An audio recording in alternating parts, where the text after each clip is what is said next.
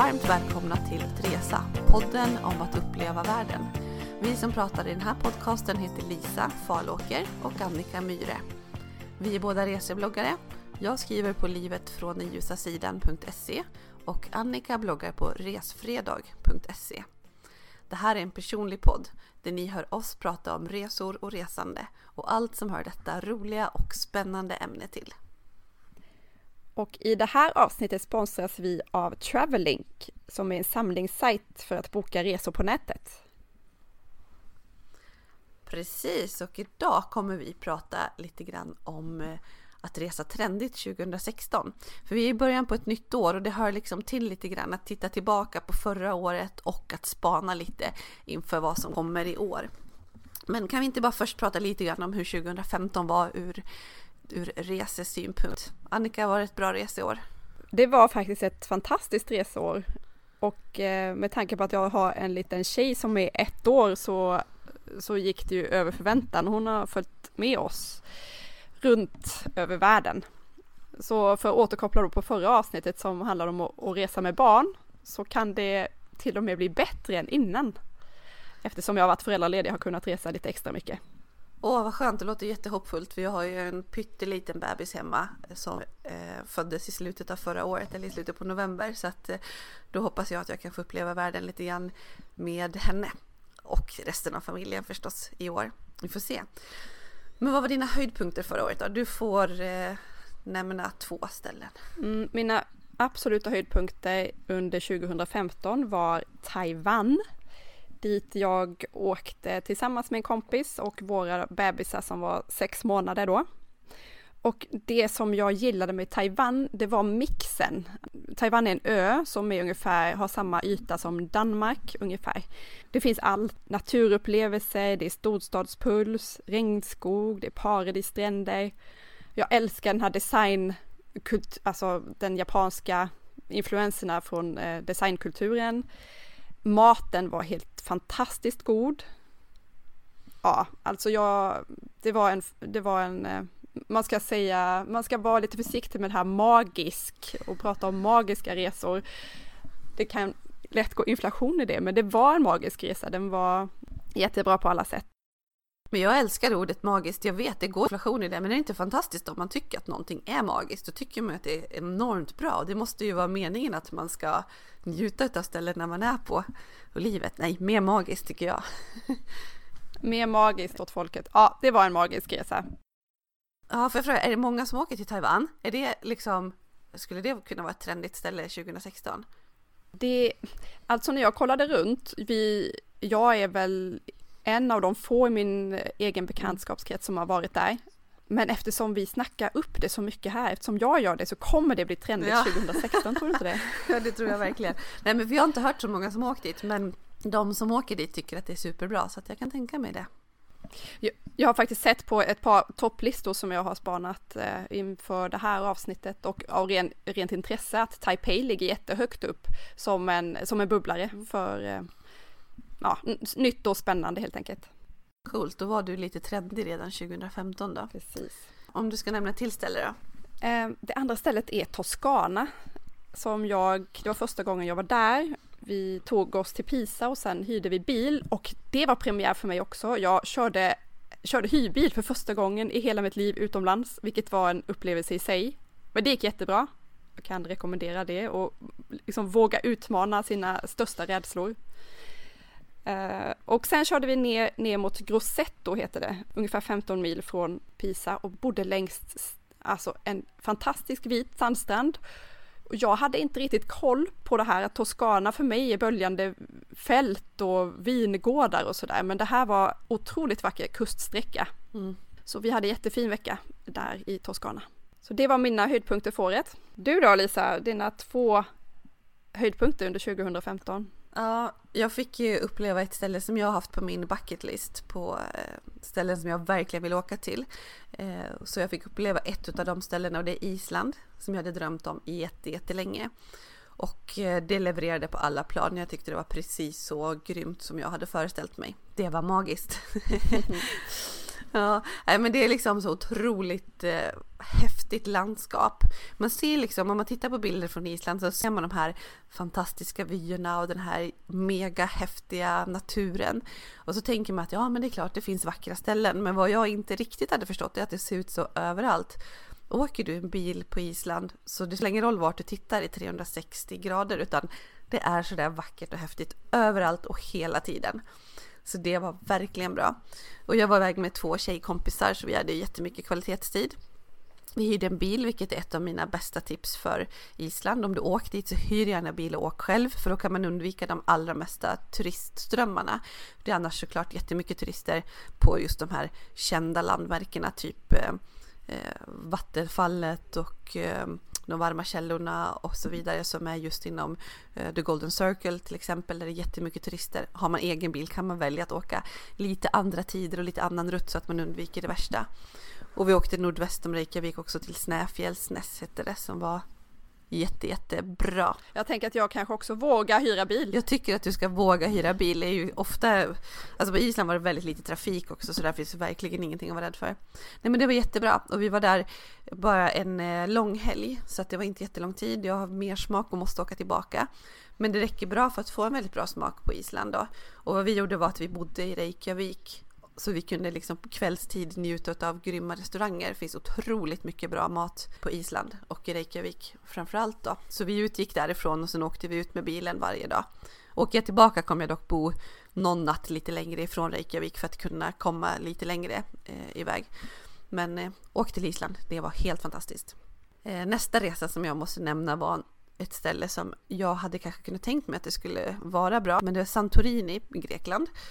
Eh, det kan man ju höra lite blandat om tycker jag. Att vissa pratar om att det är jätte, jätteturistigt och det är bara så mycket folk och att det därmed inte alls är bra. Men för mig överlevererade Santorini. Eh, samma sak där, vi valde att bo en bit ifrån Fira som är den mest kända staden och som är otroligt vacker. Men vi bodde lite söder om. Så vi bodde på ett hotell med utsikt över den här eh, vulkanen. Där man har helt magiska solnedgångar. Eh, men det var ändå liksom lugnt och, och härligt runt omkring. För att i Fira och Oja, som är de två samhällen där det är allra mest turister och som är allra mest kända, eh, där kan det säkert bli och kännas väldigt, väldigt turistigt och så. Men eh, att bo en bit ifrån och sen samma sak där, hyra en bil och utforska ön. Då kan man se väldigt mycket mer och det gjorde vi också. Vi hade en, en liten bil och körde runt i ön och var på eh, kulturlämningar, på massa olika stränder. Vi åkte in till Fyra Oja de tider då vi tyckte det var lugnare. Så att ja, det var otroligt vackert och en fantastisk resa. Magiskt. Magiskt det också.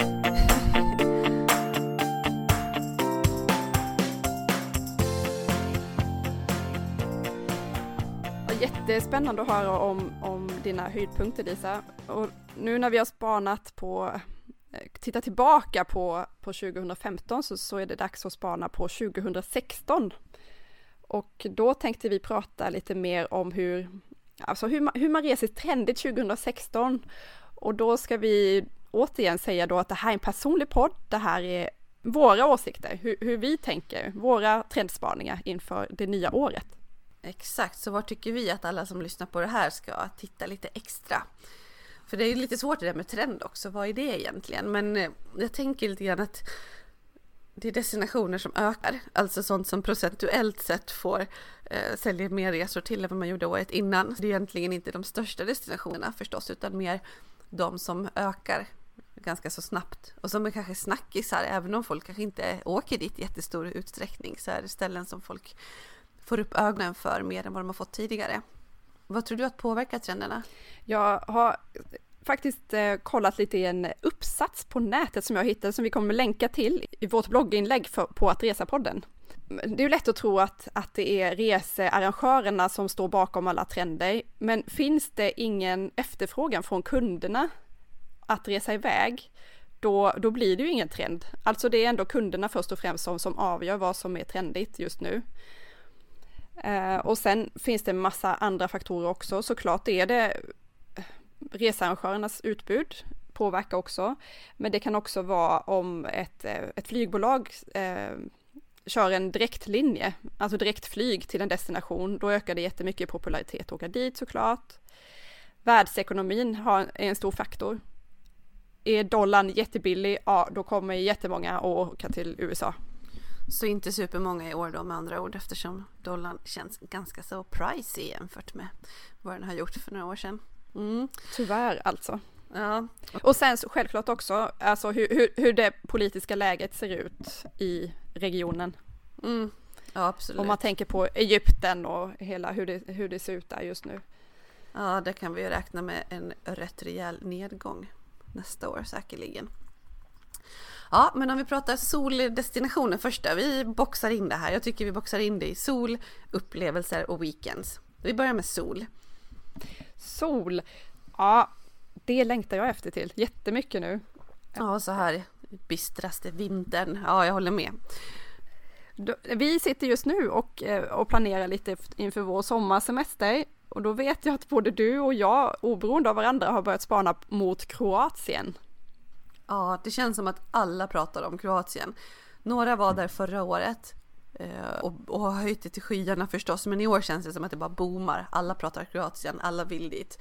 Vare sig du åker med barn eller utan barn och liksom en hel vecka eller kortare. Vissa pratar om bilar. Ja, charterbolagen ökar jättemycket i Kroatien i år och har många fler ställen och mycket, mycket större utbud. Så jag tror eh, att det finns väldigt många olika anledningar till det. Så Kroatien är verkligen ett ställe som många pratar om. Ja, vi, vi, var lite inne på att åka förra året, men då hade vi en lite för liten bebis tyckte vi. Men vi får se hur det blir i sommar då. Det som lockar mig med Kroatien, det är, det är bilderna jag ser därifrån. Den storslagna naturen, det kristallklara vattnet. Och att jag är lite sugen på att köra något alternativ till kanske då Grekland, Spanien, mm. alltså att man åker till Kroatien istället. Ja, det känns som ett roligt alternativ. Varför vill, varför vill du åka dit? Nej, men jag håller med. Jag har varit i Dubrovnik en gång när jag var rätt liten med min eh, familj och jag minns det som otroligt vackert och att, som du säger, turkost vatten och, ja, men det, och det känns som en lite ny eh, destination ändå. Men eh, ja, men sen tror jag att det kan vara lite svårt att få tag i sandstränder. Så har man eh, mindre barn så kan det vara lite mer otillgängligt. Liksom. Det är mer stenstränder och klippor och så. Själv tilltalas jag av så här dramatisk natur så det är det som tilltalar mig i Kroatien jättemycket. Men samtidigt så, det är ju en enorm snackis. Ska man våga något annat Balkanland istället? För jag tycker det känns som hela den regionen egentligen är, är trendigt i sig och att man kanske ska våga titta lite grann ifrån Kroatien. Ja, jag har hört väldigt mycket bra om Albanien till exempel. Min, min lilla syster var där i två veckor i, i somras och då tipsade hon om att de, de hittade jättebilliga eh, flygbiljetter till Korfu och sen så tog de en färja över som tog ungefär en timme över till Albanien. Och sen tog de sig runt med buss och, och minibuss. Och hon lovordade Albanien och framförallt eh, variationen, alltså att det, det, är, det finns berg, skog och strand och stad och det är lätt att komma fram till allting hon sa också att de som, de som de träffade på, de, åker, de hade åkt runt mycket i Balkan, men de var eh, väldigt positivt överraskade av Albanien och det märks att de satsar faktiskt ganska mycket på turism just nu. De yngre är eh, jättebra på engelska, mycket bättre än spanjorer som är i samma ålder. Och eh, finns jättefina stränder, i, särskilt i södra, äh, i södra delen då. Jag frågar också faktiskt om eh, nackdelar, finns det inga nackdelar? Och hon, eh, hon pratar om trafiken, att de är ganska galna i trafiken. Och hon som är riktigt foodie, hon var så där imponerad av maten. Mm. Eh, det fanns jätte, uppe i bergen fanns gott helstekt, helgrillat lamm snackade hon om. Och mycket goda fisk och skaldjur längs kusten. Men annars så var inte maten någon jättehöjdare. Nej. Jag har också hört folk som är jättenöjda med Albanien och vi kan ju tillägga att Albanien ligger alltså eh, söder om Kroatien kan man säga. Eh, och det här ligger ju mitt emot Italien österut. Eh, så Albanien, då kommer man lite längre söderut. Eh, men jag har också hört folk som har varit otroligt nöjda med det och att det är väldigt oexploaterat. Så det är väldigt lite turister men otroligt vackra stränder och så vidare. Och att det är svårt att få tag i mat att köpa, men alltså i typ vanliga mataffärer. Men att det är väldigt billigt att äta ute på restaurang och att det ändå är som någon mellanting mellan Italien och Grekland. Så att jag tror att det går att få tag i helt okej okay och väldigt, väldigt billigt att du får mat och dryck för liksom 4 euro ungefär var det någon som pratade om. Så att eh, Albanien tror jag på som en upcomer. Men sen finns det också fler ställen där med eh, Bosnien, Montenegro, Makedonien om man vill ta sig lite inåt landet. Så att det finns många ställen på Balkan att, att upptäcka. Och Montenegro, där ligger en stad som heter Budva som jag faktiskt har varit i när jag var, när jag var liten och jag kommer ihåg att det var otroligt vackert. Det var ju då när det låg, eh, när det var Jugoslavien. Så det var på den tiden. Är du så gammal? Så, så himla gammal. ja, jag kommer inte undan den. jag var väldigt litet barn med min familj. mm. Ja, Balkan tror vi på. Åk mot eh, Kroatien och Albanien och våga spana Balkan. Hela öst känns som på uppsving. Om man ska titta på lite längre resor då?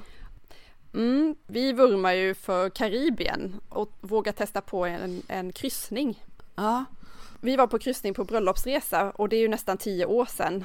Eh, och sen dess så har det verkligen exploderat, vet jag, just kryssningar och just nu så är det väl hetare än någonsin skulle jag tro. Mm, det känns som att myter kring kryssningar har krossats och ju fler som åker så säger man att ah, det är inte riktigt sådär, det är inte bara blåhåriga amerikanska tanter utan det är andra som åker också. Och jag tror att man börjar förstå att kryssning som koncept är rätt härligt för att eh, på det här stora fartyget så är det ju som att vara på vilken stor eh, resort som helst. Men du stannar på olika ställen så du ser mer, du stannar i olika hamnar i olika länder. Så det är ett väldigt smart koncept. Det är mycket mer prisvärt också än vad många tror så att det är inte alls eh, enormt dyrt att komma iväg på sin kryssning utan det går faktiskt att komma undan till rätt bra pris. Jag upplevde det som att det var en väldigt billig vecka när vi var där. Då bokade vi väl när det var något speciellt erbjudande och så men det, det drog inte alls iväg utan eh, riktigt prisvärt om man tänker på att det är boende, all mat inkluderat och så vidare. Och så flyger man ju också bra nu till många av de hamnar som är stora kryssnings eh, hamnar som fartygen utgår från, till exempel Miami, Fort Lauderdale i Florida som det nu är ganska många bolag som trafikerar. Ja, och då kan man ju faktiskt kombinera det med att bila runt i, i Florida. Som, där finns ju väldigt mycket att göra också, speciellt ja, men de stora nöjesparkerna. Det finns eh, i Orlando och sen Key West söderut, det är väldigt vackert. Ja, verkligen. Och roadtrip i USA är ju aldrig fel. Men dollarn som sagt är lite dyr så jag tror inte att Florida är någon sån här enorm destination förutom eh, att, det, att det nu är väldigt smidigt att ta sig dit. Men ett tips alltså, kolla på kryssningar och jag skulle säga att följa kryssningsbolagen till exempel på Facebook eller liknande för att när de har erbjudande så lägger de ofta ut det där. Eh, går man via vissa till exempel charterarrangörer så kan det se väldigt, väldigt dyrt ut men följ de egna bolagen i deras social media så får man upp när de säljer eh, kryssningsresor till till exempel 40% rabatt såg jag häromdagen senast. Så att eh, det är ett tips för att komma iväg lite billigare till på kryssning. Men sen tror jag Karibien generellt, det finns många ställen där som eh, tilltalar. Jag har till exempel vänner som var i Martinique. Det tillhör Frankrike som har flyger direktflyg från Paris. Lite häftigt. Eh, så det finns många olika ställen där som man kan komma till och i väldigt olika prisklass. Så titta Karibien och jämför olika öar med varandra väldigt olika priser, både att ta sig dit och att resa. Mm. Jag har vänner som är på Aruba just nu och det ser också, alltså det är ju så fint. Det är verkligen paradiset. Ja, jag är sugen på mer Karibien. Och när vi pratar om det området så måste man ju nämna Kuba som jag tror att är en riktig trendare 2016. Det kommer vara stället att åka till. Samma syster som åkte till Albanien förra sommaren var i Kuba för förra året, så hon är verkligen med nu och eh, hon sätter trenderna för mig här. De var också väldigt, väldigt nöjda. Ja, men Kuba har blivit lätt att resa till och jag tror också att det är en anledning till att det trendar och känns eh, som ett ställe man verkligen vill åka till 2016 är att det kommer inte vara så himla länge som Kuba ser ut på precis det sätt som det gör nu. Snart kommer det här med att eh, amerikaner kommer dit på ett helt annat sätt, kommer göra att det är Starbucks i, i hörnen och så vidare. Så vill man se äkta Kuba med det som man eh, ser framför sig om man drömmer om det och eh, de här klassiska vyerna från Havanna, då, då är det nu man ska åka dit.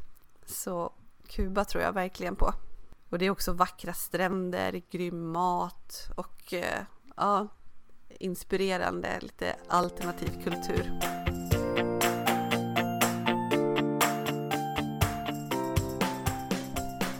Om vi ska gå vidare och prata om fler soldestinationer så kan vi ju vända ögonen mot Asien och då är det ju ofta Thailand som kommer upp som, som snackis för många, vi svenskar älskar att åka till Thailand. Jag själv åker dit snart. Men det finns ju massa härliga alternativ till Thailand som ligger, eh, som ligger där i grannar med Thailand som man kan faktiskt våga sig på och prova.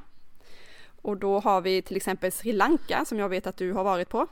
Ja, Sri Lanka känns som en jättestor snackis och eh, 2016 inte minst. Det här kommer trenda, det är jag helt övertygad om. Sri Lanka är ett land som eh, har haft mycket interna motstridigheter och politisk instabilitet och så vidare, som, och, alltså till och med inbördeskrig för så lite som några år sedan. Eh, så därför har det känts som en destination man kanske inte så gärna åker till. Men nu är det lugnt i landet och det är en, ett grymt bra alternativ till Thailand för den som älskar Thailand. Eh, du får samma sak i kulturen och känslan. Fantastiska stränder, riktigt, riktigt bra mat. Det är väldigt billigt och eh, turismen är inte alls lika exploaterad där. Och det är ju såklart på gott och ont för det är inte lika lätt att gå och få en massage jättebilligt på stranden eller massa andra saker som eh, har gjort Thailand så populärt. Att det är väldigt enkelt att resa där och så. Sri Lanka är lite svårare. Och det märks att de inte är lika slipade. Men det är ju verkligen en oslipad diamant. Eh, dessutom så finns det jättemycket att se om man åker lite inåt landet. Eh, med deras teplantage, med berg med fantastiska vyer. Så Sri Lanka, gud åk dit. Det är enormt bra. Men förvänta dig inte samma tillrättalagda värld som kanske har tilltalat i Thailand för att det är lite, lite ruffare fast eh, enormt härligt. Nej, och och fortsätter man med samma tema så är, ligger ju också Filippinerna väldigt högt upp på, på bubblalistan. De här runt 7000 öar som ska vara den ena vackrare än den andra. Också samma, samma reflektioner som du gör, att det är kanske, de är inte lika vana som, som Thailand. Det funkar inte lika smidigt, men det kan absolut vara värt att åka dit ändå. Exakt, jag tycker en sån här gammal klyscha är att Thailand för 20 år sedan och jag är så otroligt trött på det här Thailand för 20 år sedan. Vem vet hur det var liksom? Eller ja, det var ju, nu var det första gången jag var i Thailand var kanske 15 år sedan och då sa man också att man ville ha Thailand som var för 20 år sedan. Jag är så otroligt trött, trött på den klyschan. Men eh, man kanske vill se andra asiatiska destinationer som inte har exploderat fullt lika mycket längre. Och Filippinerna som du säger, 7000 öar. Det är klart att det finns jättemycket ställen av olika typ att åka till där. Till det mest till, tillrättalagda resorterna till helt eh, lugna öar där, de, där det fortfarande är väldigt billiga bungalows och bambuhytter. Så det tror jag på. Och lite lättare destinationer också i närheten är Malaysia och Vietnam. Kambodja också som du snart ska till.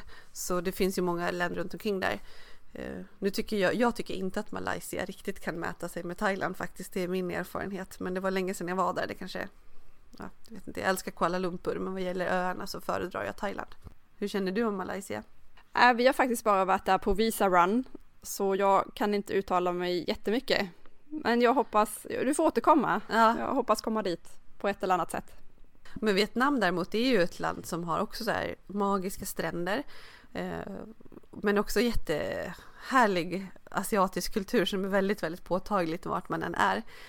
Sen vet jag att vissa ställen kan vara mer attraktiva än andra där beroende på vilken typ av turister som är där. Så att jag tror att ska man åka till Vietnam så kan det vara värt att göra sin research eh, lite ordentligare så att man kommer till en ort som har det man tilltalas av. Nej men så Vietnam är verkligen ett eh, häftigt ställe att åka till men eh, mitt tips är att läsa i forum om vad som gäller på olika destinationer så att man inte bara åker och tror att alla ställen är lika härliga. Det finns otroligt mycket härliga ställen men eh, läs in och få en, en fräsch bild av de olika resmålen som är där. Ska gå vidare och eh, titta lite mer på upplevelser, eh, destinationer för att, ja, men för att komma hem med ett gäng upplevelser i bagaget. Då tipsar vi, eller som vi drömmer om båda två, det är Norge och eh, fjordarna.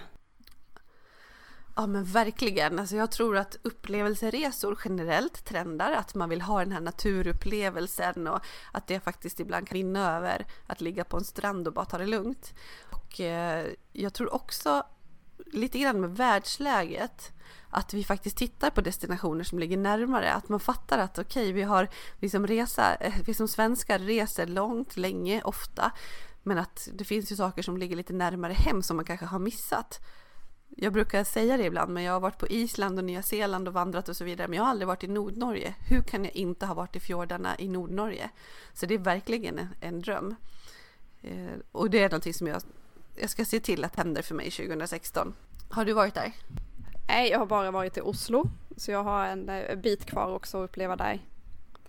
Men, men på samma tema, just ganska eh, nära destinationer till Sverige, det är eh, Svalbard och Grönland och Färöarna.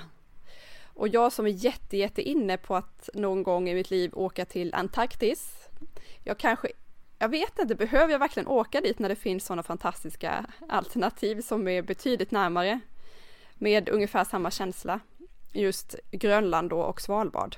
Ja, jag tror faktiskt att du kan börja med dem och få en grym upplevelse. Att man inte behöver titta så himla långt och det mest maxade. För jag tror att Grönland och Svalbard, där kommer du få Antarktis light. Men ändå som känns ganska rejält annorlunda i upplevelse och eh, ja, naturupplevelse och landskap. Färöarna däremot är ju inte fullt den här arktiska känslan på det sättet utan där kan det vara väldigt grönt och de har också lite milt klimat eftersom det har Golfströmmen och så. Mm, just det. Nej, men så det tipsar jag verkligen om och det finns många bolag som flyger till de här ställena och, och många paketresor om man eh, vill att någon annan ska sy ihop resan åt en så finns det många färdiga koncept för att åka till de här ställena. Så grym natur och eh, häftiga naturupplevelser. Och det känns lite för mig så, så när jag nu har åkt till Island, även om jag jättegärna åker till Island igen, jag kommer definitivt att göra det, så har Island på min bucket list har ersatts av just Svalbard och Färöarna framförallt. Om vi ska köra vidare då på nästa avsnitt som är Weekend så har vi också några tips som vi tror kommer komma stort eller som vi vill tipsa om då. Och det första som jag vill tipsa om är Cornwall. Alltså London är om man tycker att det börjar bli lite uttjatat så kan man gärna kombinera det med att faktiskt hyra bil när man är där och köra västerut. Då kan man dels få se, kan man stanna förbi vid Stonehenge och sen åka vidare mot, eh, mot St. Ives och alla Cornwalls fantastiska stränder. Det finns också, om man åker till Storbritanniens mest eh, västraste punkt, heter Landsend och det är ett jättehäftigt ställe med virvlande hav och höga klippor. Vi åkte dit i juli, i slutet på juli och det var otroligt mycket folk då, så man kan ju tänka på det att vi tänkte att vi skulle bara typ stanna förbi bed and breakfast och sova, men det slutade med att vi körde halva natten och så checkade vi faktiskt in på ett ställe som vi inte visste hur det såg ut. Eh, det hette Fistrel Beach i Newquay och när vi vaknade på morgonen och steg ut från hotellet så möttes vi av den mest fantastiska syn. Alltså det var helt, helt overkligt. Det var världens vy, ett hav och det var sandstrand och längst bort så var det en, en siluett av ett slott. Så det slutade med att vi, vi, hittade ett guldkorn fast vi visste det inte själv. Åh, oh, det låter helt fantastiskt. Vad heter det stället sa du? Den i... Eh, det heter Fistrel Beach. Fistrel Beach i Newquay. Okej, det lägger jag på minnet för att jag ska ju göra den här resan i slutet på maj. Så då skriver jag ner det och gör en liten mental anteckning om det. Gör det. Ja, men jag tror helt klart att eh, kombinera någon av de här weekendresmålen med att komma ut och se lite mer. Så Cornwall i England, det tipsar vi verkligen om. Och hyra bil då förstås för att resa ut. Absolut. Och köra vänstertrafik om man nu är bekväm med det. Det är ju inte jag då, men eh, jag hade andra som skulle köra. Man får hjälpas åt lite grann där i framsätet då tänker jag mig. Mm. Andra weekendresmål som kommer stort i Polen, alltså Gdansk och Sopot och också Wrocław. Se om jag kan uttala det rätt nu, men det står att man ska uttala det Wrocław som är det är också känt som, som Breslau på tyska. Och det är ju faktiskt Europas kulturhuvudstad 2016 tillsammans med San Sebastian i, i Spanien. Jaha, så att Polen lockar alltså med både kultur men också med stränder. Det kan man ju inte riktigt, eh, det tänker man inte på spontant när man hör Polen. Men de har ju helt fantastiska sandstränder. Ja, det är, så, det är som värsta rivieren. Mm. Jag, jag kommer ju från Karlskrona så vi har Polenfärjan som går eh, till Gdynia från Karlskrona. Så jag anser ju mig själv att jag upptäckte Polen för väldigt länge sedan. Det var faktiskt min gymnasielärare som alltid tjatade om att Polen ja, det kommer växa otroligt stort och snart så kommer svenskarna invadera Polen istället för som det var att det var, var polacker som åkte upp till oss då. Och det har verkligen blivit så, för det, Polen har blivit ett väldigt, eh, väldigt populärt resmål, eh, framförallt för folk som bor i södra Sverige. Men det är en fråga kring det, för jag vet ju till exempel att eh, Soppot och så vidare, det finns en massa ställen som har kört ganska hårt på så här spa-hotell och väldigt stora lyxiga hotell. Eh, och jag, men jag var på, i Polen för några år sedan och spelade golf. Nu ska jag inte säga att eh, åkte till Polen och spelade golf för att det fanns väl inte så jättemånga banor och den som jag var på var inte fantastisk. Eh, och det här var ganska, men det var ganska många år sedan så det kan se annorlunda ut. Jag vågar inte tipsa om golf i Polens vara eller icke vara. Men vad jag upplevde då var att det var ganska svårt att hitta bra mat. Det kändes väldigt östeuropeiskt fortfarande. Men jag har förstått att det har ändrats lite grann. Har du någon uppfattning om det? Mm, det beror ju på vad man, gillar man potatis och kött typ? Okay. Nej, men jag, jag, jag åt faktiskt jättegod mat och det var eh, deras piroger eh, och ja, testa pirogerna, de var supergoda. Sen är jag, alltså Lisa du vet att jag är fel person att prata om mat, men jag är ju ingen jättefoodie. Jag, ja. jag, jag fikade väl fem gånger om dagen istället, ja. eh, istället för att Äh, jag håller på att bli vuxen. Jag, du kan fråga mig nästa gång jag åker dit, ska jag leta upp några restauranger? Ja, det ska jag göra, för det känns, för mig är det jätteviktigt som den foodie jag är, men jag har snappat upp att det finns väldigt mycket bra restauranger numera, så att eh, jag tror att man kan åka till eh, Polen om man är en foodie också. Det gäller bara att veta vart man ska, vart man ska titta någonstans. Mm. Mm, nej men så generellt så tror jag att eh, ja, Östeuropa kommer rätt kraftigt. Och det finns ju andra roliga week, weekendmål också, typ Tallinn, Riga, Vilnius. Så ska man prata trend i weekendmål så tror jag att det är eh, de mer eh, östligt belägna huvudstäderna i Europa som eh, vi svenskar spanar mot 2016. Absolut.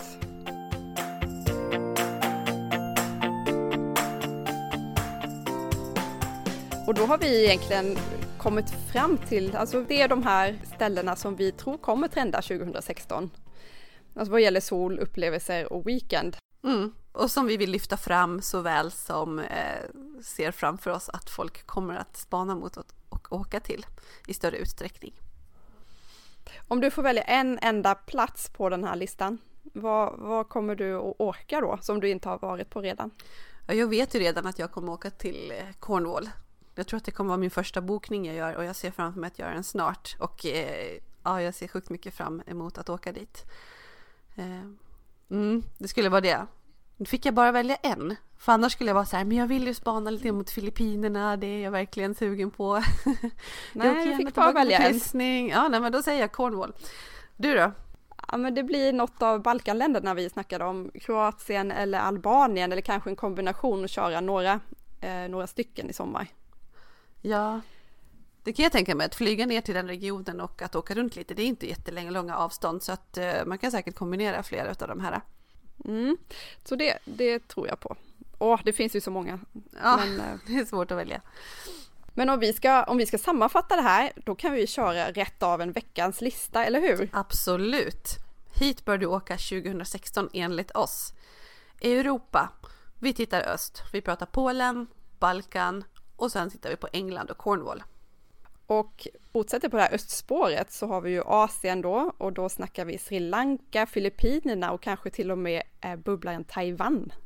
Det tror vi på. Och USA, dollarn till trots, men pratar vi USA med omnejd, Florida på grund av direktflygen, Karibien kryssning, vi ser mycket, mycket mer kryssare 2016 och framförallt Kuba. Yes, det är bara att boka på. Absolut. Spännande reseår 2016. Ja, och vi kommer snacka lite mer faktiskt om, om hela Balkanregionen och Europa generellt i nästa avsnitt. Ja, för då har vi eh, gäster, våra första gäster i Att Resa-podden som är eh, bloggarna Freedom Travel som har åkt med husbil i Europa i ett helt år. Så då får vi höra lite grann om deras favoriter och eh, upplevelser faktiskt från de här östeuropeiska länderna också. Om man nu funderar direkt på hur man ska göra för att på bästa sätt och billigaste sätt boka sin nästa resa så vill vi tipsa om att eh, göra det via Travellink. De säljer flygresor från 440 olika flygbolag och mer än, de har mer än 460 000 hotell till mer än 40 000 destinationer i världen på sin sajt som är en samlingssajt för att boka resor. Dessutom har de ett kundlojalitetsprogram så att man kan få bonuspoäng när man köper resor via dem. Kan inte du berätta lite mer om det Annika? Ja, det här programmet eh, heter Mitt Travelink och jag älskar olika typer av, av bonusprogram när man kan samla på sig poäng eller pengar på grejer som man ändå hade köpt och eh, använder det mycket. Och just i, i Travelinks fall så, så signar man upp sig på nätet, det är helt gratis och när man gör det får man, får man direkt 100 poäng som man sen kan använda när man eh, bokar resa via dem och eh, varje poäng motsvarar då en krona som dras av när man bokar eh, resan. Och de har olika typer av nivåer på poängen beroende på vad man köper för, om man köper hotell och flyg eller om man bara köper flyg så finns det olika procentsatser då. Sen finns det också andra fördelar som är bra, att man kan skriva, man skriver in sina uppgifter och så kommer de automatiskt nästa gång. Plus att bokningen ligger med. Om man har bokningar, sina bokningar på massa olika sidor, till exempel jag nu när vi drar iväg till, till Thailand så har jag typ tusen olika bokningar överallt och här har man dem samlade på ett enda ställe. Och en extra bra grej som, som jag tycker är en av de största fördelarna är att man kan också lägga in sina bonuskort som man har från flygbolagen, typ Norwegian eller SAS Eurobonus. Och eh, då kan man samla både poäng på Travellink och flygbolagsbonusen samtidigt och det är ju supersmart. Verkligen, dubbla poäng liksom.